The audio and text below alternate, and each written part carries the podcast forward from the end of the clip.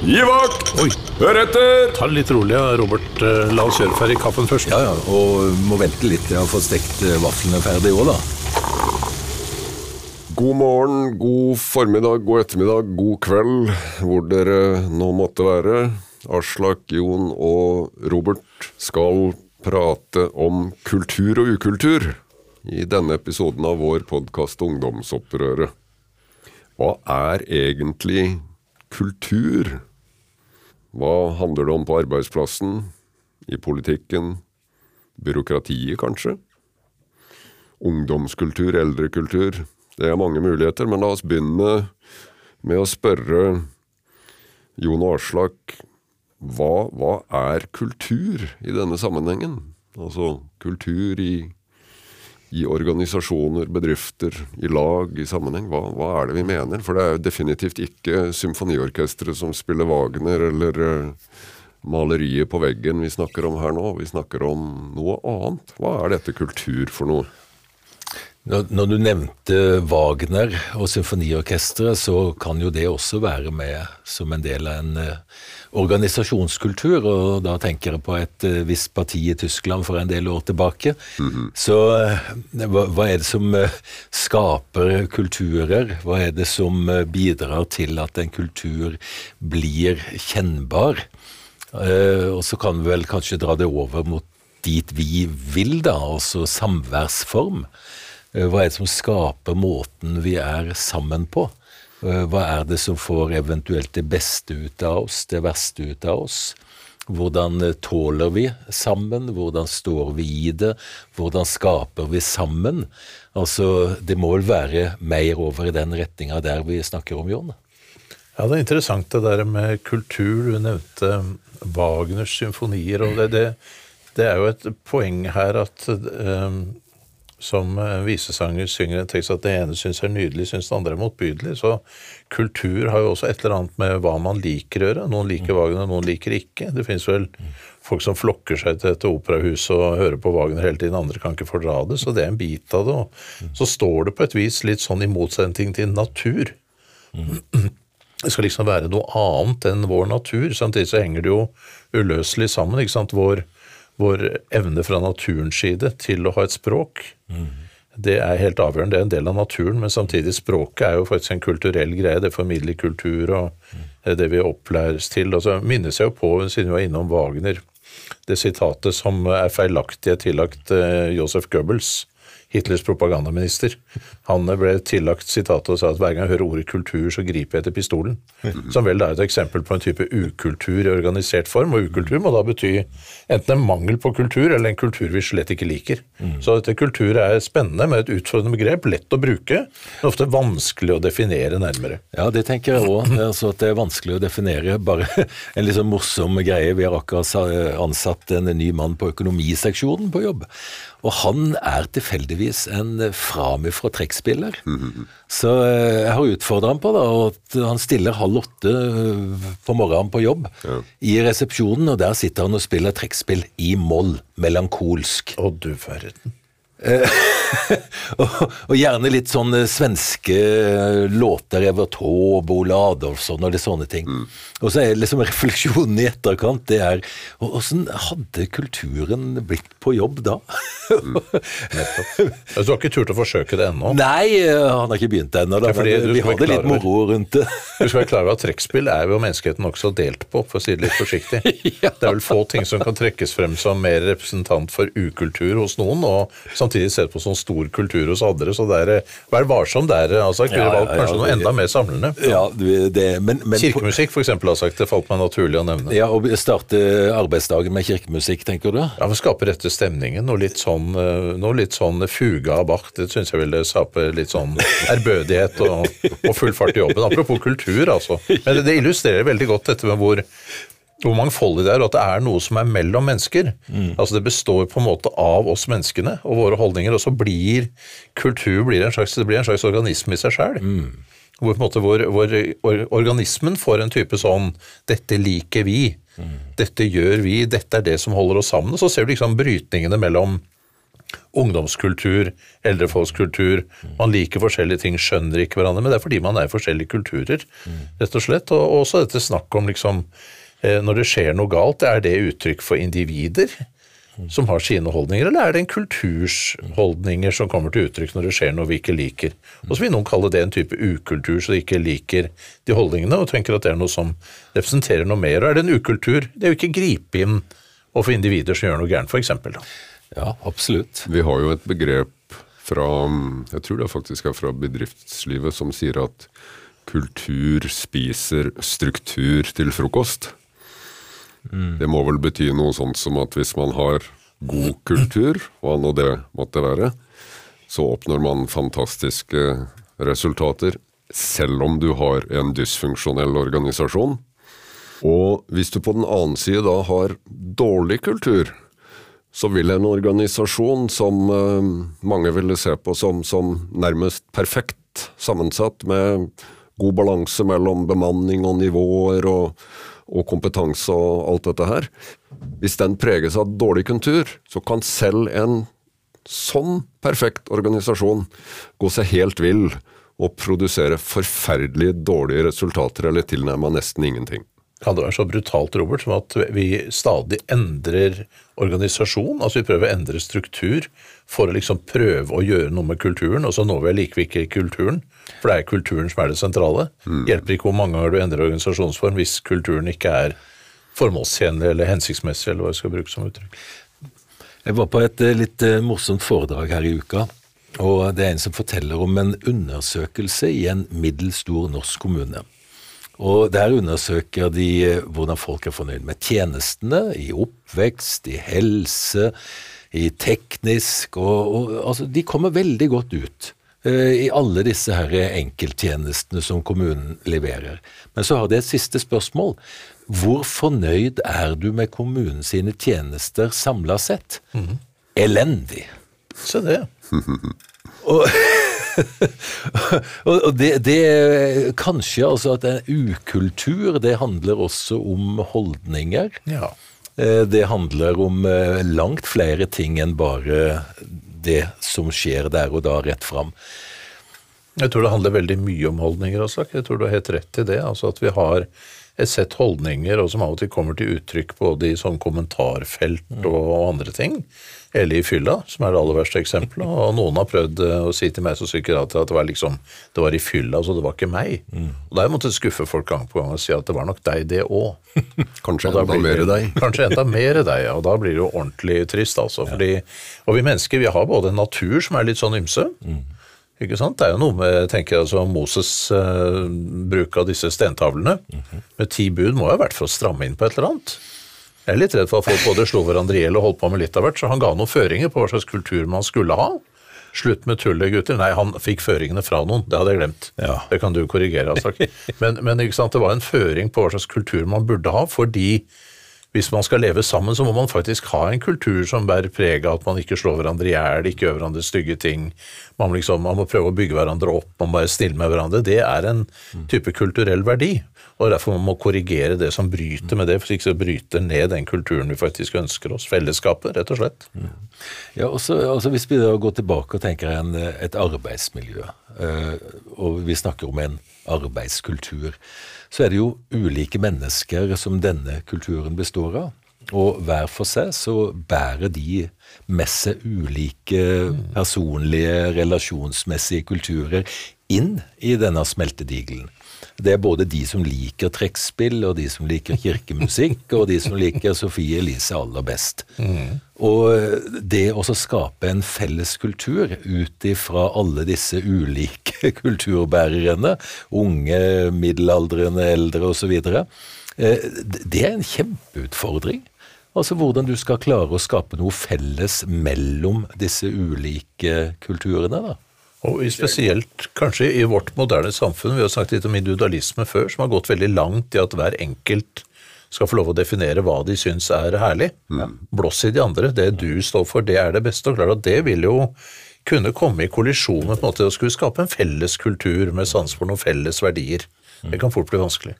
Hvis jeg går til um, min første virkelige jobb, da, Så har jeg med meg en fortelling om da bonden med, med Massey Ferguson-traktoren kom ut foran bensinstasjonen jeg var ansatt på uten å ha peiling på biler og motorer, men god peiling på trebåter og seiling hjemme i Kragerø. Uh, og han hadde dårlig tid. Han hadde en tilhenger full av jordbærkasser og skulle på torvet for å selge jordbær, og, og ba om full tank. Og jeg kunne ikke mer om sånne traktorer med stort panser og to blankslitte lokk oppå som det var umulig å lese hva som sto på det enkelte lokket, enn at jeg tok sjansen. Tok litt sånn elle-melle. Og så fulgte jeg diesel på under et av disse lokka, og det var fullt etter 3,5 liter. Mm. Så jeg hadde da fylt uh, motorblokka på traktoren med diesel istedenfor å fylle det på den tanken han helt åpenbart heller, heller ville ha det på. Men grunnen til at uh, jeg forbinder dette med god kultur, god bedriftskultur, er at han som hadde ansatt meg, han sto bak meg og så inne på butikken, og så kom han ut og klappa bonden på skuldra og sa slapp av, Per, gi oss ti minutter, skal du ha full dieseltank istedenfor diesel på motorblokka di på vår regning, og du kommer til å rekke torvet. Og etterpå så hørte jeg ingenting igjen. Hørte aldri noe fra arbeidsgiveren min. Jeg venta jo å bli fillerista og få sparken når jeg gikk inn igjen. For meg da, så har jeg hatt med meg det gjennom 30-40 år med forskjellige spennende jobber, og inn i Røde Kors-virksomhet. Og det, det, klikker inn hver gang som dette at eh, der hvor det er lov å gjøre små feil, blir det færre store feil. Og der hvor en, det er en bedriftskultur hvor lederen har, har ryggen din ganske automatisk og kompromissløst når du har gjort den mest tåpelige feilen du kan liksom finne på å gjøre. Allikevel så forsvarer han det, holdt jeg på å si, og, og, og rydder opp. Og da, da, skaper du en sånn lojalitet og en, en vilje til å gjøre ting som, som, for meg er en sånn veldig positivt kulturbegrep. Er jeg helt på villspor her, eller? Nei, nei, nei, definitivt ikke. og hvis du går, looper tilbake til alle disse ulike kulturbærerne som kommer inn på en arbeidsplass, eh, så må det være noen eh, retningslinjer, noen mål, altså noen, eh, noe tydelighet hvilken retning vi skal gå i. Altså hvilke verdier som denne kulturen, vår felles kultur, skal bæres av og kjennetegnes ved. Og der er jo altså forbildet, lederen, Eh, det å bygge opp disse gode, trygge rammene for hvordan vi skal fungere sammen. Kultur kan splitte, og kultur kan samle. Og din fortelling fra ungdommen og traktoren, det er jo nettopp den fortellinga om noe som gjorde deg trygg, og så noe som ga deg tillit. Og da responderer du i neste omgang med å være lojal og tørre å stå på fordi du vet hva du får tilbake. Og unge Robert han viste initiativ, og så tok han og gjorde sitt beste, og det tror jeg at eh, han sjefen din skjønte, og han så så sikkert på ansiktet ditt at uh, ops, her skjønte Robert at han hadde gjort noe gærent, og han har nok antagelig tenkt å lære av det, så han syns ikke det var nødvendig å nevne det. Jeg tipper du, du signaliserte litt både skyld og skam der du sto, og det er sunt. Så jeg tror det er veldig viktig å være alternativet. Alternativt til ikke vise folk tillit, da må jo han dere som ansatte han må så gjøre jobben sjøl, han da. Han må stå og henge over skulderen din, og han må liksom passe på å gjøre feilene selv isteden. Om det er noe bedre at sjefen gjør feilene enn den ansatte, det må man jo lure veldig på. Og jeg tror det er en, det er en betingelse for å, for å, få folk til å yte, at de får lov også å prøve å feile. De er faktisk nødt til det. Jeg tror faktisk det er noe i det du sier også, at hvis man har den type kultur, så blir det også flere som blir involvert, og det minsker kanskje sjansen for de store feilene enn at sjefen skal sitte og bestemme alt, fordi sjefen er ikke så smart som han tror, og mangler innsikt i veldig mye. Så jeg tror det der er helt riktig, at man må fordele dette ansvaret. Det er en kultur som tillater folk å prøve å gjøre ting, er på en måte en, en god kultur, tror jeg. Og det er eneste måten folk kan lære på, så er det altså sånn at det er veldig, veldig få mennesker som feiler med vilje. Mm. Det er veldig veldig få som gjør det. Jeg har møtt mye feil, men det er veldig få som liksom har bestemt seg for at i dag skal jeg jaggu skade både arbeidsplassen og sjefen ved å feile skikkelig. Det tror jeg skjer utrolig sjelden. Og de vil, sånne folk vil stikke seg ut på andre måter, så de blir du klar over på andre måter. Så man må gi folk tillit, og la folk prøve å feile. Eneste måte man kan få en, si, en, en levelig kultur på, tror jeg. Det er sånn man også kan lære, rett og slett. Ja, og, og så er det noe også med den atferden som utvikles i uh, ulike kulturer, fordi du kan få subkulturer, underkulturer. Just. Altså, jeg jobber i en kommune, og uh, i enkelte sammenhenger så kan du oppleve syting, klaging, og det kan nærmest bli en kultur, altså retten til å syte og klage. Og igjen, i går jeg hadde et møte rett før jeg dro innover. og da eh, satt vi og venta på en og lurte på om han kom, og så blir det sånn Ja, stadig for sein. Og, og, og, da var det en av de deltakerne, gammel ambassadør, pensjonert sådan, nydelig fyr, som sier at i diplomatiet, der bryr vi oss også ikke om sånne bagateller. Der sier vi når han endelig kommer 'Så flott du kom! Det var jo hyggelig at du hadde tid til det her'. Den er elegant. Den er elegant. og, og han har den evnen til å bruke det språket eh, over ganske mange sånne problematiske områder. Og, samt, og samtidig må en kultur også ha en god evne til å gi hverandre korreksjon. Men det må ikke være noe tvil om at korreksjon er eh, velment. Så at man faktisk kan gi hverandre korreksjon og si at du hadde satt pris på om du kunne begynne å komme presis på møtene, i hvert fall når det ikke er noe annet som er i veien. Og at man også tar den til og tenker ja, ok, jeg skjønner at det er ålreit for de andre om jeg kommer litt presis også. ikke sant? Så en type korreksjon hører til dette, men det vil jo i alle sammenhenger være en greie med at vi mennesker vi må skjønne at at våre egne holdninger er med på å prege en kultur, og at kulturen er summen av holdninger, og at våre bidrag er helt nødvendige for å ha en kultur. Kultur er ikke noe annet, det er ikke løsrevet fra deg som person.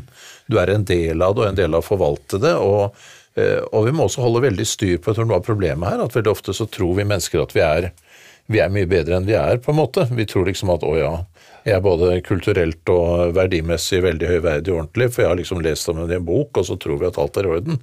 Men det å prøve å få holdningene til å nærme seg verdiene, det å faktisk prøve å leve etter sine verdier, det er en tung greie. I klar formening om at vi er skrøpelige. og jeg kommer tilbake til Bibelen, jeg har sagt det er frekt av meg, selvfølgelig. Men masse av disse rådene også Kristus som skikkelse kommer med, er jo nettopp for å si, vise oss at mennesket har en natur som er litt skrøpelig til tider. Altså at vi har lett for å bli både egoistiske, grådige, hensynsløse, alle de tingene der. Og da prøver han å si dem at hør her, det er faktisk en annen måte å være på som gjør fellesskapet bedre, og ved at fellesskapet blir bedre, så får du det også bedre. ikke sant? Men det må man på en måte skjønne og jobbe mot, altså. Da gir det oss også innsikt i egne svakheter. For det han også gjør, det er jo at han gjør det helt helt normalt at altså, vi mennesker, vi er sånn. Ikke det er ikke så farlig, men vi må forholde oss til det. Nettopp. Og det kjenner jo vi igjen fra andre situasjoner. Veldig. Veldig. Ja, og så er det noe at en kultur det er ikke bare, noe som bare er der, eller som plutselig oppstår, eller kan implementeres med tastetrykk. Altså Kulturen den må jo bygges, den må skapes. Hvordan gjør du det, Aslak? Nei, altså Du må jo ha noen mål, altså gjerne da i form av verdier som du ønsker å oppnå. Og så tenker jeg jo det er kjekt også, da, for å, å gi den tilbake til det, Jon. Altså litt innsikt i menneskets natur og væren og personlighetstyper og den type ting. Mm. Altså vi, vi responderer ulikt på en leders intensjon. Og det å jobbe for å utvikle og skape den gode kulturen. Så det er jo i møte med menneskene, med den kunnskap, erfaring og de verdiene som du ønsker skal gjennomsyre. Så det er ikke noe quick fix, men det er et prosjekt som en må jobbe seg framover med systematisk. Et livslangt prosjekt, rett og slett. Jeg har lyst, lyst til å utfordre dere på å være enda mer konkrete.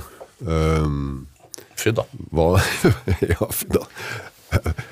Hvordan Altså hvis kultur er noe som skapes, mm. da vi, vi har snakka om et par eksempler allerede, mm. er det Og kultur handler om holdninger, det handler om hva vi sier, det handler om hva vi gjør.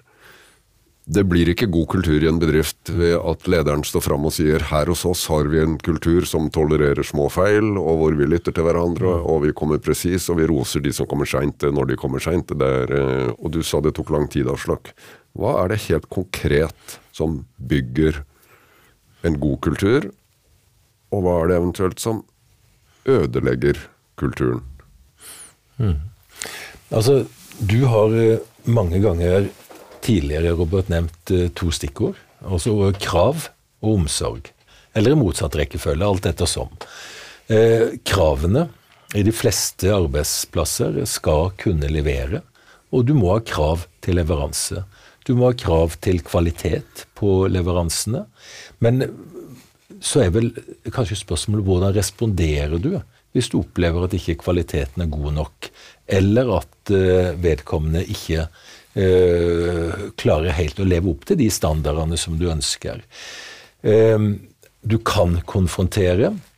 Men du kan også jobbe videre, altså i samtale, komme videre, utfordre, være med på å utvikle. Altså, der kan man bruke flere ord, men utvikling, altså vilje til endring, sette fokus på, hjelpe til å forstå. Jeg tror altså, det, det, det er iallfall i min verden, da, der det som er min erfaring, så er det der det handler om å jobbe eh, jobbe med mennesker, og skjer det noe som, som er uønska, så eh, om, om ikke konfrontere, så er det å snakke sammen om Var dette en god løsning? Hvordan opplevde du det? Eh, vi skulle dit. Ikke feier ting under teppet? Nei, eh, kravet må være der. Definitivt. Det, men det er måten som kravene fremstilles på. Mm. Eh, vi har jo snakka om det i tidligere episoder når vi refererer til den militære virkeligheten. Eh, altså Det å brøle og det å skrike og det å tvinge eh, Det er ikke alltid du får den beste resultatet av det. Du mister folk underveis. Eh, men det å, å våge å bruke tid og våge å gå noen steg og utfordre. Og det har jo noe med, det har også noe med lederen som eksempelets makt her. Eh, og dette som eksempel i Forsvaret har respekt, ansvar, mot som eh, verdier. Og jeg har aldri hørt noen i Forsvaret som har stemt mot eller sagt at de verdiene er dumme. Det har jeg aldri hørt. Jeg har møtt masse folk. Alle nikker anerkjennende, og så bryter man det rett som det er.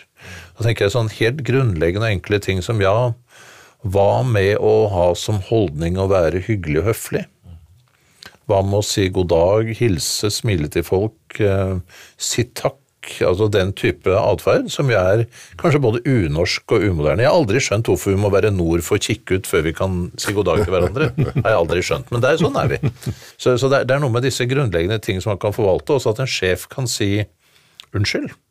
Mm. Hvis han gjorde noe dumt, sa noe dumt, beklager det jeg sa der, eller unnskyld det, eller uh, gjøre folk oppmerksom på at hør her, nå er produksjonen så dårlig her at nå er det jeg som må stille hos uh, stor sjef, mm. alle har jo en sjef, mm. og stå til ansvar for produksjonen er dårlig, og si hva, hva skal vi gjøre med dette? For det er ikke jeg som står og gjør detaljene i produksjonen, det er faktisk vi. Mm. Så ikke sant? Altså, måten, med, måten, man snakker om det på, har faktisk forvalter respekt, ansvar, mot. Mm. Og imot så går det også det å måtte ta opp det som er viktig og riktig, selv om det koster noe. ikke sant? Man blir redd, man syns det er ubehagelig. Mm. Og vi trenger ikke verdien mot hvis alle hadde vært modige. Da hadde vi ikke trengt det i det hele tatt, da kunne vi bare glemt verdien. Men fordi vi ikke er modige, så trenger vi den verdien å strekke oss mot hele tiden. Men eksempelets makt det å være høflig hyggelig, blitt veldig opptatt av det i det siste, og prøver å hilse på folk sånn i utrengsmål. Noen ser litt sånn lamslått ut, men, men, det går stort sett veldig bra.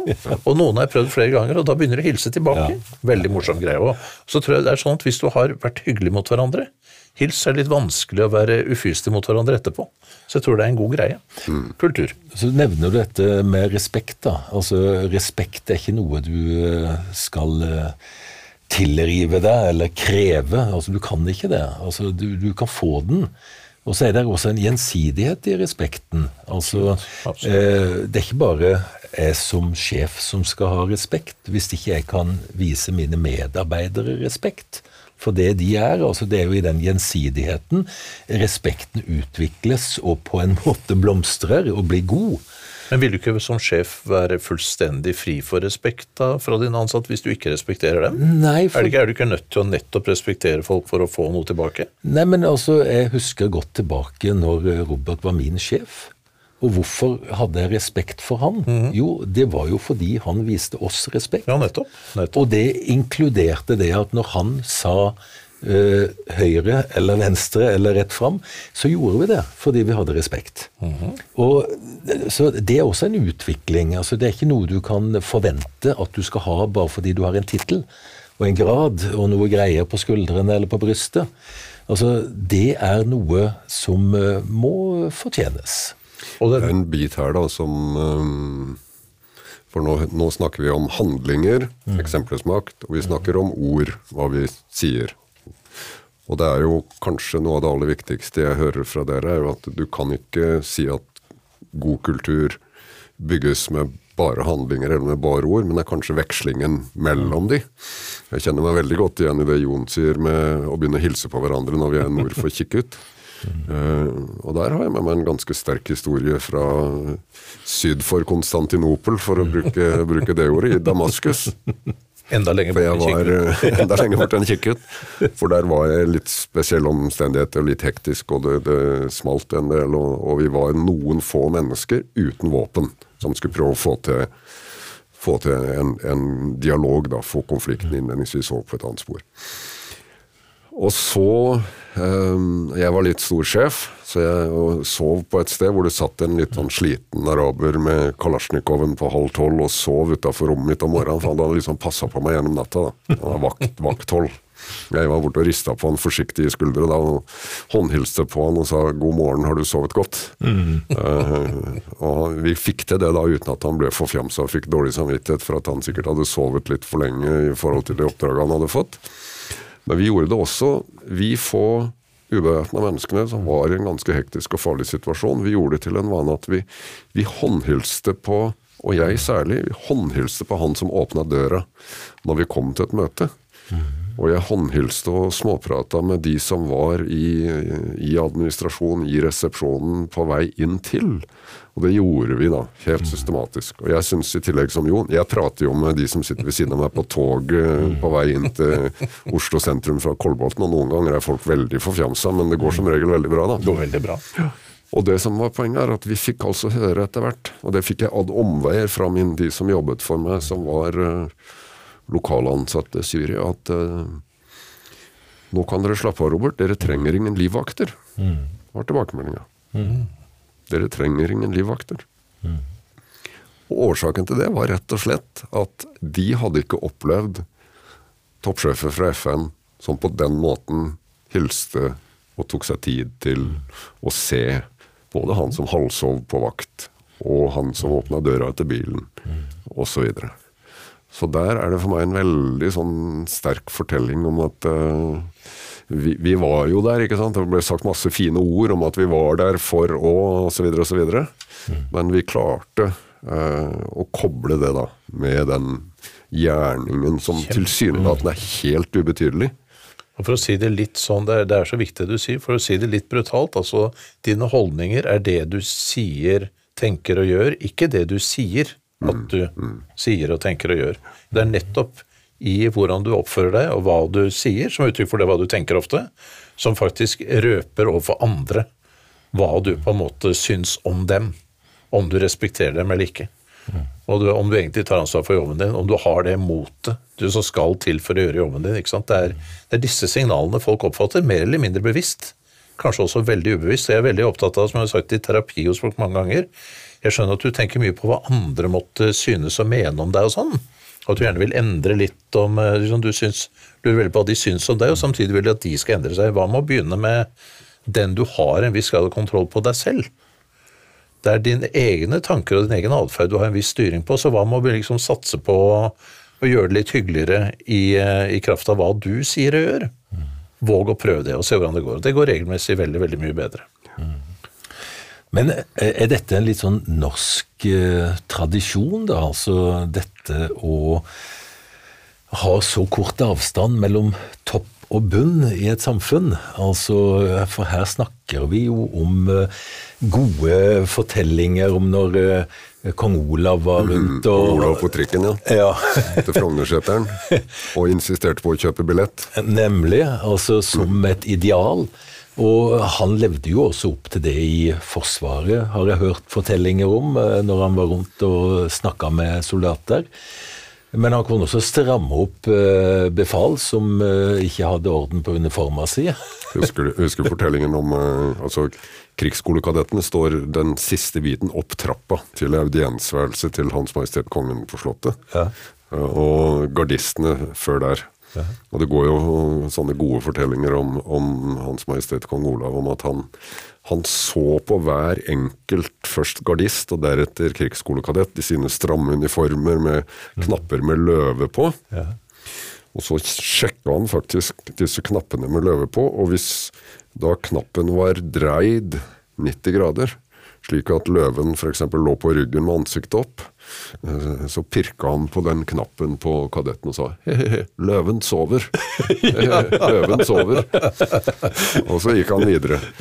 Og, og den lille fortellingen sant, som sprer seg, og sånt, den sier jo alt om uh, det du gjør, det du sier, og attention to detail, og omsorg, og krav i liksom en og samme innpakning. Ja, ja.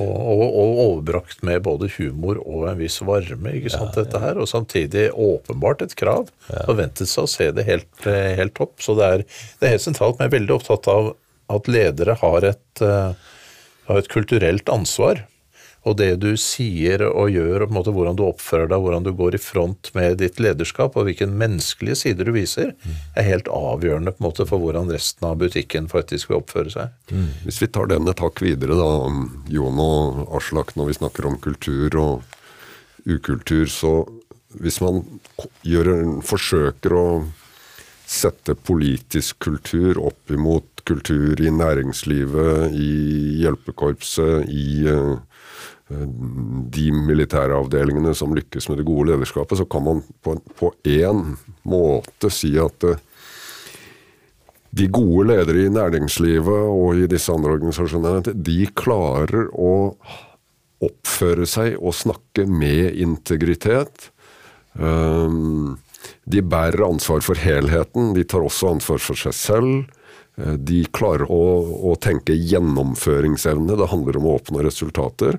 Eh, og de klarer å leve etter omsorg og krav som, som to sider av samme sak. I tillegg til raushet, som general Elisabeth eh, brakte oss her en gang tidligere. Men hvis vi da kontraster politikkens vesen da i forhold til det, så er jo det å skyve fra seg ansvar og sørge for at noen andre har ansvaret for det du egentlig har ansvar for. Eh, det er eh, Hva er det man sier om politikere? da? De har så tykk hud at de står uten ryggrad. Altså disse litt sånn flåsete karakteristikkene som det alltid er viss, et visst alvor bak. Mm. Og det handler om å ha store mål, men springe fra de måla seinere. fordi at det er, det er, ikke gjennomføringen det handler om, men det er det politiske spillet på vei til. Mm. Og en manglende evne til å kombinere omsorg og krav. Uh, det er selvfølgelig en litt urettferdig karikering, vil noen si, men enhver urettferdig god karikering er det et visst eh, alvor i. Eh, så hva er det i spenningsfeltet mellom da, den, den, politiske kulturen og denne gode kulturen fra næringsliv, organisasjoner og, og, og god militær ledelse som kan si oss noe om hvordan vi skaper eh, god kultur og hvordan vi kan utnytte det, hva det kan føre til. Det skal iallfall veldig lite til for å ødelegge en uh, god kultur. Altså forvitring. Det er jo et uh, fenomen som, uh, som i utgangspunktet eller som skjer i naturen, men som også skjer i organisasjoner og kommuner og, og andre plasser. Altså, men problemet med forvitring det er på en måte at du ikke oppdager det før det er for seint. Det har kommet så langt at plutselig du ser at her er mye ødelagt. I den kommunen som jeg jobber i, så har folketallet gått ned dramatisk i løpet av noen år. Men de har liksom på en måte ikke oppdaga det. Eh, hva skal vi gjøre med det? Uh, er det noe å gjøre med? Ja. ja. definitivt er det noe å gjøre med det, men uh, du skal være flink og kreativ. Altså, Vi har hatt en debatt, ganske kraftig debatt i media om ukultur mm. i Forsvaret. Mm. Er det slik at det har skjedd en forvitring av ledelseskulturen som de plutselig ser resultater av? Eller er det tilfeldigheter, eller er forsvar bare en, eh, en eh, skygge av samfunnet for øvrig? Eh, er det han som tok alle disse videofilmene med mobilkameraet sitt i dusjen av nakne kolleger i Forsvaret? Er det han som er, ikke er i stand til å opptre i henhold til gode verdier og god kultur, eller er det bare et symptom på at uh, organisasjonen preges av ukultur? Um, jeg jeg syns den er vanskelig.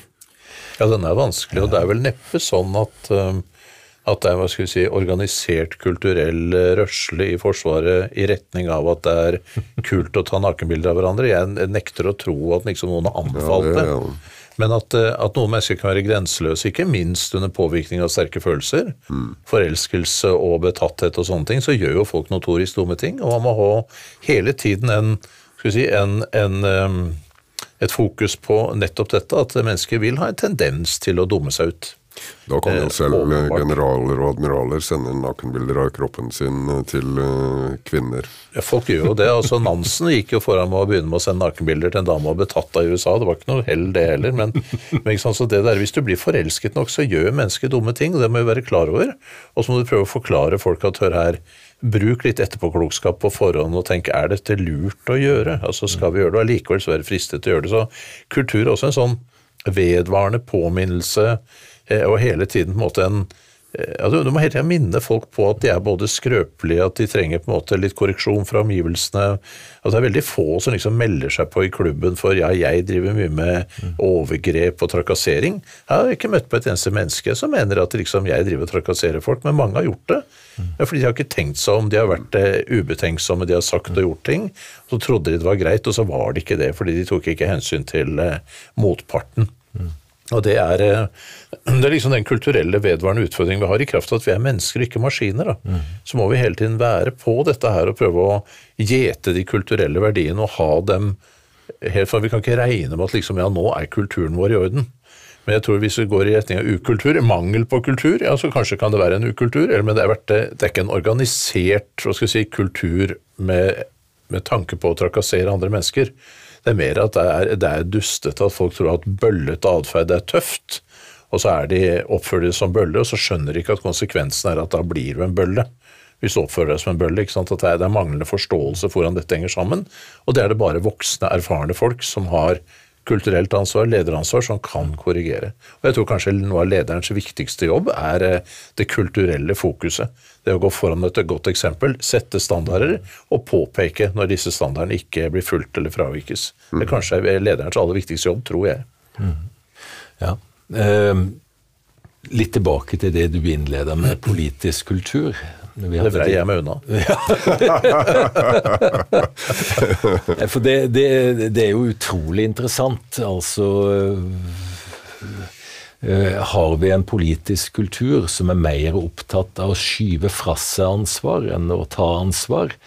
Uh, ærlighet, uh, tydelighet. Jeg har prøvd å få litt oversikt over hvordan energidebatten og problematikken henger sammen. Og det kommer så vanvittig mange ulike signaler. Eh, altså Miljøverndepartementet sier noe, Olje- og energidepartementet sier noe helt annet. Og så kommer du ned på litt lavere nivå, og så skal dette prøve å tolkes og forstås. Og så hvis det er noe som er positive, da kan du være helt sikker på at statsforvalteren er negativ. Fordi, eh, og, og, og, Det er jo ikke bare innenfor kommunesektoren sånne ting skjer.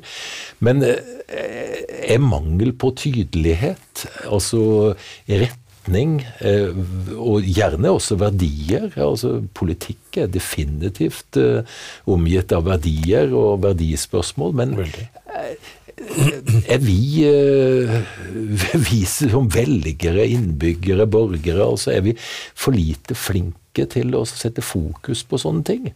Altså, Trenger vi å engasjere oss sterkere der? Ja, kanskje. og kanskje er det ikke noe Kanskje opplever politikerne at det ikke er noen hva skal vi si, premie i det å være ærlig og ta ansvar. Kanskje har det blitt et spill etter hvor, hvor det er en slags aksept for at det om å gjøre ikke bli sittende med svarteper, at det er det mm. politikken dreier seg om. Og da Da vil du få et system hvis det er et svarteperspill, at det om å gjøre liksom få spilt svarteper videre før liksom gongongen eh, går, altså. Før neste valg, oversatt til norsk. ikke sant? Og Hvis det blir målet, at det bare er et spill alt sammen Men jeg tror man ville stått seg veldig på både innrømmet at det var ting man ikke skjønte. God dag, dette her er et resultat av et marked, inkludert eh, EU. Vi visste de hadde ikke helt oversikten over hvordan det ville gå. Jammen ble det krig i Ukraina. Så være mer jeg tror å være mer rett og slett ærlig, ha mot til å være ærlig. eh, Og ta det ansvaret man faktisk har, og ikke på en måte spille bort. Men risikoen er jo da det at du må ha tillit til at andre spiller det samme spillet. At andre også vil ta ansvaret, være ærlig og være modig og innrømme sine feil. Og så lenge ikke liksom det er gjengs, så kan jo fort han, han stakkaren som som faktisk tar ansvaret og er ærlig og på en måte står for noe. Han kan fort bli den som står igjen med svarteper. For de andre vil da lirke svarteper bort igjen og si at liksom, ja, se der, der satt han. Vi har tidligere snakka om, vi har tidligere snakket om at eh, når lederne involverer de som skal gjøre jobben, så skaper man en nesten uimotståelig gjennomføringskraft og en tillit og en kontrakt begge veier. Eh, Jeg avslutta jo min jobb i uniform i Nato-hovedkvarter i, i Brussel og var mange år i forsvarsledelsen her hjemme. også. og i, i Brussel, da jeg var eh, der, så, så opplevde jeg en voldsom frustrasjon rundt generalsekretæren, som ikke forsto hva formannen i militærkomiteen snakka om. Det var altså en, en manglende evne til å forstå, manglende evne til å lytte og ta inn budskap. Eh, Jeg ble faktisk spurt, eh, for jeg var jo norsk, eh, og vi hadde norsk generalsekretær det siste året jeg var der nede, spurt om, om jeg kunne hjelpe til å dekode hva han der formannen i militærkomiteen egentlig snakka om. Og det, det sier meg kanskje også med erfaringer fra toppledernivå i samfunnet her hjemme, at det, kanskje bør vi som da tror og mener vi står i en mer sånn gjennomføringsbasert involveringskultur eh, i både næringsliv og organisasjoner, kanskje bør vi respektere at politikken er et fag, det er ikke ledelse. Nettopp. Og politikken har sine spilleregler, det har sine, sine uskrevne regler, Ja. og, og vice versa. At altså politikerne må ta seg sjøl i nakken innimellom og si at disse toppbyråkratene og disse topplederne i det offentlige, vi må ikke bare høre, men lytte. Slik at det er på en måte å få til en god involvering mellom politisk kultur, ære være norske politikere, ikke sant? både lokalt og sentralt, som står i det der hattfokket av kommentarer i sosiale medier og alt dette om dagen. Imponerende. Så vi må ha en utveksling mellom den politiske, det, beste av den politiske kulturen og den beste av god ledelseskultur. Ja, veldig interessant formulering, og det er et eller annet her med at det må være en type tillit, en velbegrunnet tillit mellom de to nivåene, og det betyr at man må, man må både skjønne hverandre og regne med at eh, man vil hverandre vel på et eller annet vis. Det betyr at i en militærsammenheng så må de militære rådene være troverdige og balanserte, må være noe som politisk nivå faktisk kan ta hensyn til. Og jeg tror politisk nivå vil kunne si mye om at ja, de blir utsatt for mye særinteresser. Ja, han generalen der, han er bare opptatt av seg og sitt og sine. Han skal ha Han prøver å baksnakke de andre fordi han vil sånn og sånn. ikke sant? Så det betinger også at hva skal vi si, det faglige nivået, eller medisin, helse, hvor tenkte hver, er, er hver vi, overlege er opptatt av sitt felt. det er nå vi skal utfordre Jon på Ja, helseforetak og litt Ja, sånn ja, ja. også, ikke sant? Og det er, jo, det er jo vist seg håpløst å prioritere innenfor helse, fordi du treffer alltid en gruppe hvor det er noen mektige doktorer, og mektige sykepleiere for all del, som allierer seg med en pasientgruppe, som heller ikke vil ha noe endring på dette, eller vil ha ressurser til fred. Og det er dynamitt. Og hvilken politiker tør å stå imot en sånn pressgruppe som angriper dem i pressen? Og hvis kulturen da nede er mer og mer konfrontasjon, mer og mer høylytt Og opptatt av seg og sitt. Og opptatt av seg og sitt, selvfølgelig. Helt det er naturlig. det. Det er bare du og jeg blir- som ikke er Det er også jeg som ikke er opptatt vi av som ikke er sånn, ja. The per lever the perfect world. Ja, men det, det tror jeg er helt sentralt, dette her, og, og som setter lys på noe veldig sånn grunnleggende menneskelig, og, og dette med verdier og holdninger, og hvor det er fort gjort å bli fanget i det. og Jeg tror det er veldig riktig som du sier, at en politisk lederskikkelse dressert i sin verden, kom fra helt andre ting i forhold til en, en god, gammel militær. Altså, jeg må jo si at jeg alltid hadde problemer med å henge med på militærpraten, ja, men jeg var definert å komme utenifra. Mm. Så jeg kunne rekke opp hånda og spørre hva i himmels navn betyr denne forkortelsen. Ja. Og da viste det seg ofte at det var et par av de andre i ledergruppa som heller ikke visste det, så det var veldig betryggende. Ja. Mm. Ja. Nei, men uh, kunne altså Vi innleda jo med å snakke litt om holdninger. At kultur er også holdninger. Mm. Uh, der er veldig mye konflikt i, rundt politikere. Det er media som henger på hele veien. De snakkes ned. De tas for eh, små og eventuelt litt større ting. Og det brettes ut. Altså det, det er en ugjestmild plass å være. Men hva om vi hadde sagt i Norge så uh, har vi reale innbyggere, og vi har gode politikere. Absolutt. Mm. Og at det var utgangspunktet vårt ja. eh, når vi begynner å titte de i korta. Vi sier til de, tydelig og høyt, altså vi, vi er stolt at vi har gode politikere. Som har bygd et land over tid som det er trygt og godt å leve i osv. Og, så og nå skal vi, reale folk, vi skal være med på å utvikle dette samfunnet videre. Mm. For vi vet at det kommer et grønt skifte. Vi er kanskje midt oppi det, men det er lang vei å gå.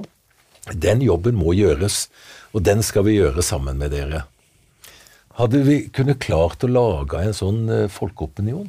Mm. Ja, bare ikke det blir en sånn, bare ikke det blir en sånn forherligelse av folk, sånn liksom uh, the best-kulturen igjen. altså at uh, Jeg syns vi skal leve med det at uh, absolutt, jeg tror politikere og folk flest gjør så godt de kan.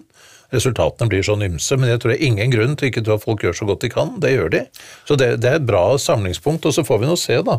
Og da er det nettopp holdninger det dreier seg om dette med ja, de aller fleste er jo for et grønt skifte når det blir spurt, men så var det dette ja, og du er klar over at dette vil koste oss noe?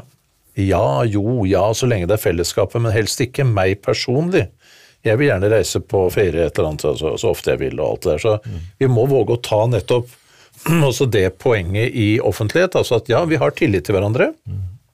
Det er forutsetningen for et demokrati, egentlig. Mm. Men det betyr også at vi også må ha tillit til at andre også vil være med på det jeg blir kalt spleiselag, eller det å ofre noe, alle de tingene der. Så jeg er veldig enig. Jeg tror det er, Vi kommer veldig kort av gårde med å bare idiotforklare hverandre. Det tror jeg er veldig riktig. Men altså, jeg, jeg har en sånn iallfall i hvert fall, uh, ja, en holdning at folk jeg ikke vekk vet hva mener, er litt skeptisk til. Mens folk som er uenige med meg, det er mye lettere å forholde meg til. Nettopp. Og mm. det må i mye større grad også tolereres i den politiske verden, tror jeg. Altså, mm. altså, vi vil ha fram uenigheten. Hva er forskjellen på Høyre og Arbeiderpartiet? I saker kom igjen. Ja, det kan godt være at det er lite, men, men jeg har lyst til å høre på forskjellene. Og, og hvorfor er dere uenige? Altså det derre å tåle den uenigheten i mye større grad mm. enn å bare slåss. Mm. Og ofte er uenigheten mer enn spørsmål om vekting ja. av noe. At man har liksom vektet noe litt høyere eller mer enn noe annet, og derfor landet på et annet resultat. Det er ikke fordi den andre, mm. altså andre argumentasjonen ikke fins. Mm. Det er fordi man faktisk lander på en annen konklusjon i en, vekting av argumenter. Og jeg skulle også ønske at det hadde vært flere i offentlig debatt som skifta mening, altså. Ja.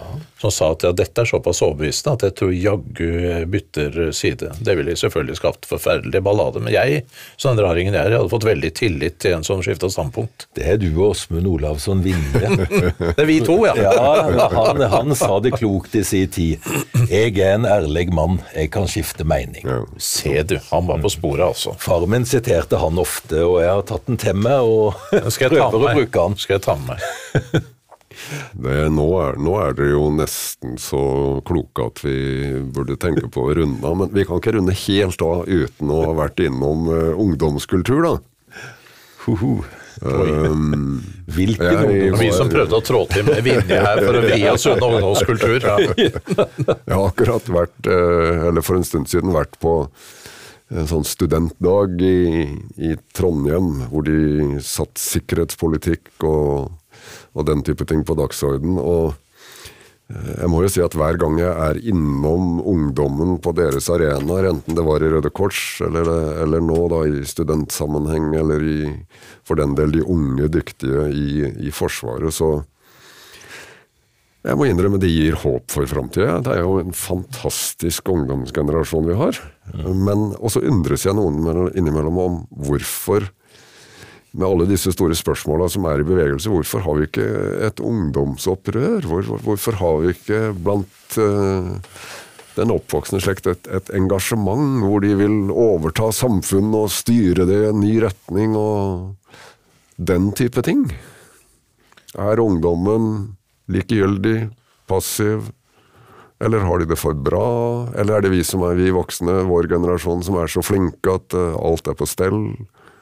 Mm, du kan så si. Ja, jeg, jeg, har tenkt mye på det, for jeg har også etterspurt det der ungdomsopprøret. Og vi har jo vært innom det noen ganger. Men det er mulig at det er vår generasjon som har det litt sånn i mente fra ungdomsopprør på 60-tallet mm. mot Vietnamkrigen, altså de store spørsmåla.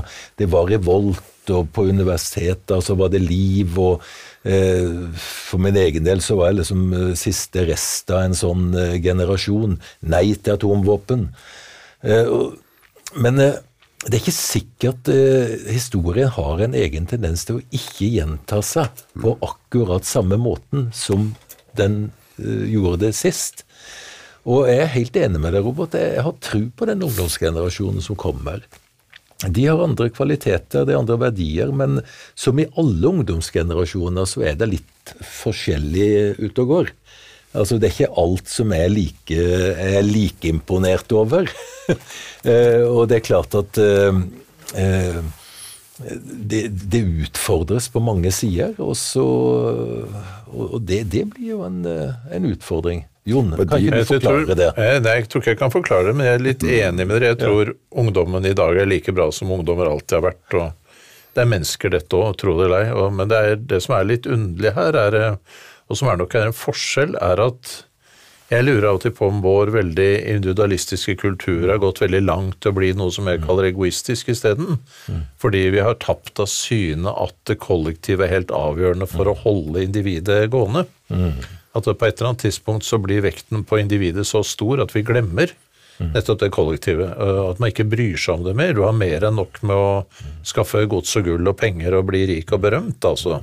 Sette deg hårete mål, som man sier i noen sånne sammenhenger, og, og følge dem. Så jeg er litt redd for at den individualismen har ikke pulverisert, men i hvert fall svekket noe av den sansen vi trenger å ha for det kollektive, og det å bry oss om samfunnet som sådan, for hvis idealet kun er å bli rik og berømt, da er det en veldig egoistisk greie som sier veldig lite om din, ditt engasjement for samfunnet eller hvordan det er. Jeg er litt bekymret for det at moderne tabloid, skal vi si, digital, like-styrt virkelighet er litt sånn at den, eh, den måte primært oppfordrer til eh, en pervertert individualisme, som man blir fort fanget av når det begynner å bli snakk om lønninger og rikdom. og vi er vi er så rike at vi lett kan få en følelse av at vi, eh, vi klarer oss fint uten det kollektive. Det er den følelsen mange sitter med. Og den tror jeg er skummel. Og det, men jeg tror også ungdommen innser det, men de blir på en måte fanget, altså.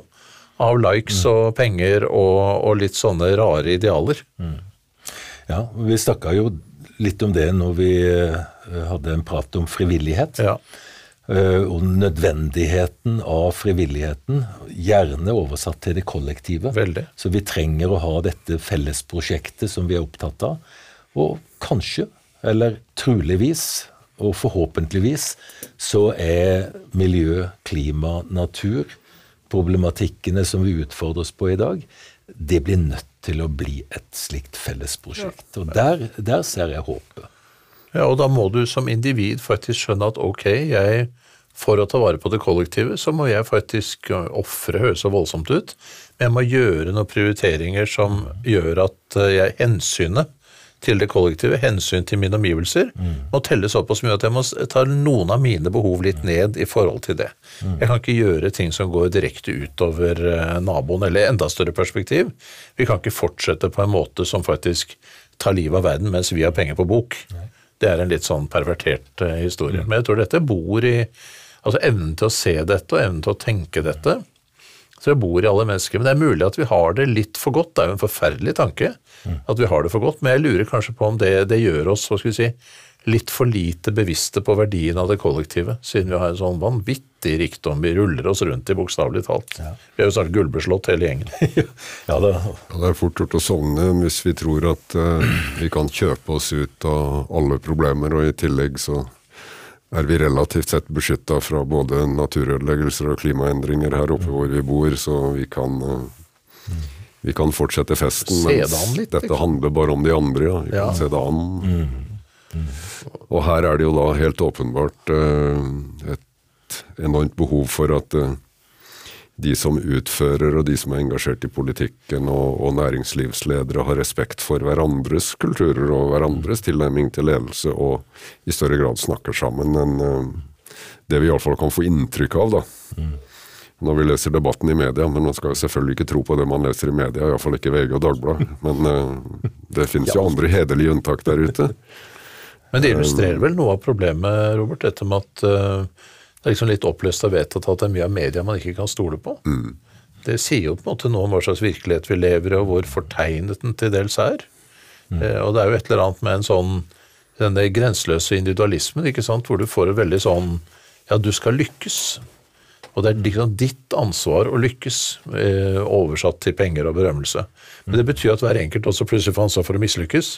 Så alle de som ikke lykkes, de har liksom et like stort ansvar. De har bare ikke ønsket det mye nok, liksom.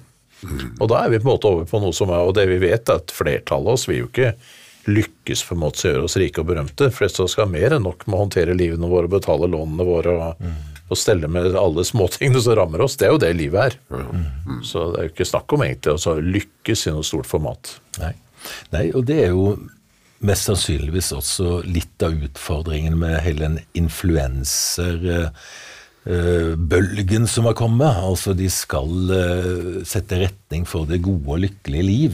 Altså Som egentlig ikke handler om eh, det livet som du omtaler, Jon. Altså at eh, vi skal utdanne oss, og vi skal låne penger, og vi skal leve, og vi møter død, og vi møter ulykker, og alt det som er en del av virkeligheten. Eh, Mens det blir litt for mye føss og spetakkel rundt en sånn influenserverden. Vi kunne helt sikkert uh, tatt oss tid til å, å prate om uh, influenserne også, men til uh, dere lyttere så anbefaler Aslak, Jon og Robert episoden Dickpic-mosaikk av Sofie og Fetisha. Du finner podkasten på NRK, og hvis du vil bli kjent med denne delen av ungdomskultur, i den grad en nesten 30 år gammel forretningskvinne representerer en ungdomskultur, så gå inn og hør episoden Dickpic-mosaikk på NRK. Og her må vi bare skyte inn at dette er Roberts eh, anbefaling. Altså Verken Aslak eller jeg har lyttet til den. Er det ikke sånn, Aslak? Vel, vel, vi stiller oss bak sjefen. Ja, ok, vi stiller oss bak. Vi, er, vi, er, vi stiller oss bak. Vi er er lojale. Aslak, Jon og Robert har snakka om kultur og ukultur. Vi har snakka om uh, å få lov å gjøre små feil som fører til færre store. Vi har snakka om holdninger, vi har snakka om eh, utvekslingen mellom ord og handlinger. Det handler om begge deler, og ikke minst om å gi tillit. Og vi har kanskje forbausende nok blitt enige om at eh, vi må ha større respekt for at politisk kultur har sine egne spilleregler, og de må ha større respekt for at eh, både i næringsliv og i organisasjonsliv og i gode militære avdelinger med god ledelse, så, så er det en annen kultur å, involvere hverandre, lytte til hverandre i større grad. Er kanskje noe av oppskriften for å gå videre. Og så har vi en ungdomsgenerasjon som, med en kultur som gir oss håp, alle, alle sammen. Så kanskje Kanskje, kjære lytter, er det sant at kultur spiser struktur til frokost. På avslutningen eh, av samtalen vår så sender vi en hilsen til eh, alle veteraner, unge og gamle, som gjør en fantastisk eh, jobb. Du har lytta til Ungdomsopprøret med Aslak, Jon og Robert. Vi takker også Folkeakademiet og Orator, som er våre kjære bidragsytere og støttespillere, som gjør at vi kan lage gode podkaster for deg uten å betale altfor mye penger for deg av egen lomme. Takk for i dag.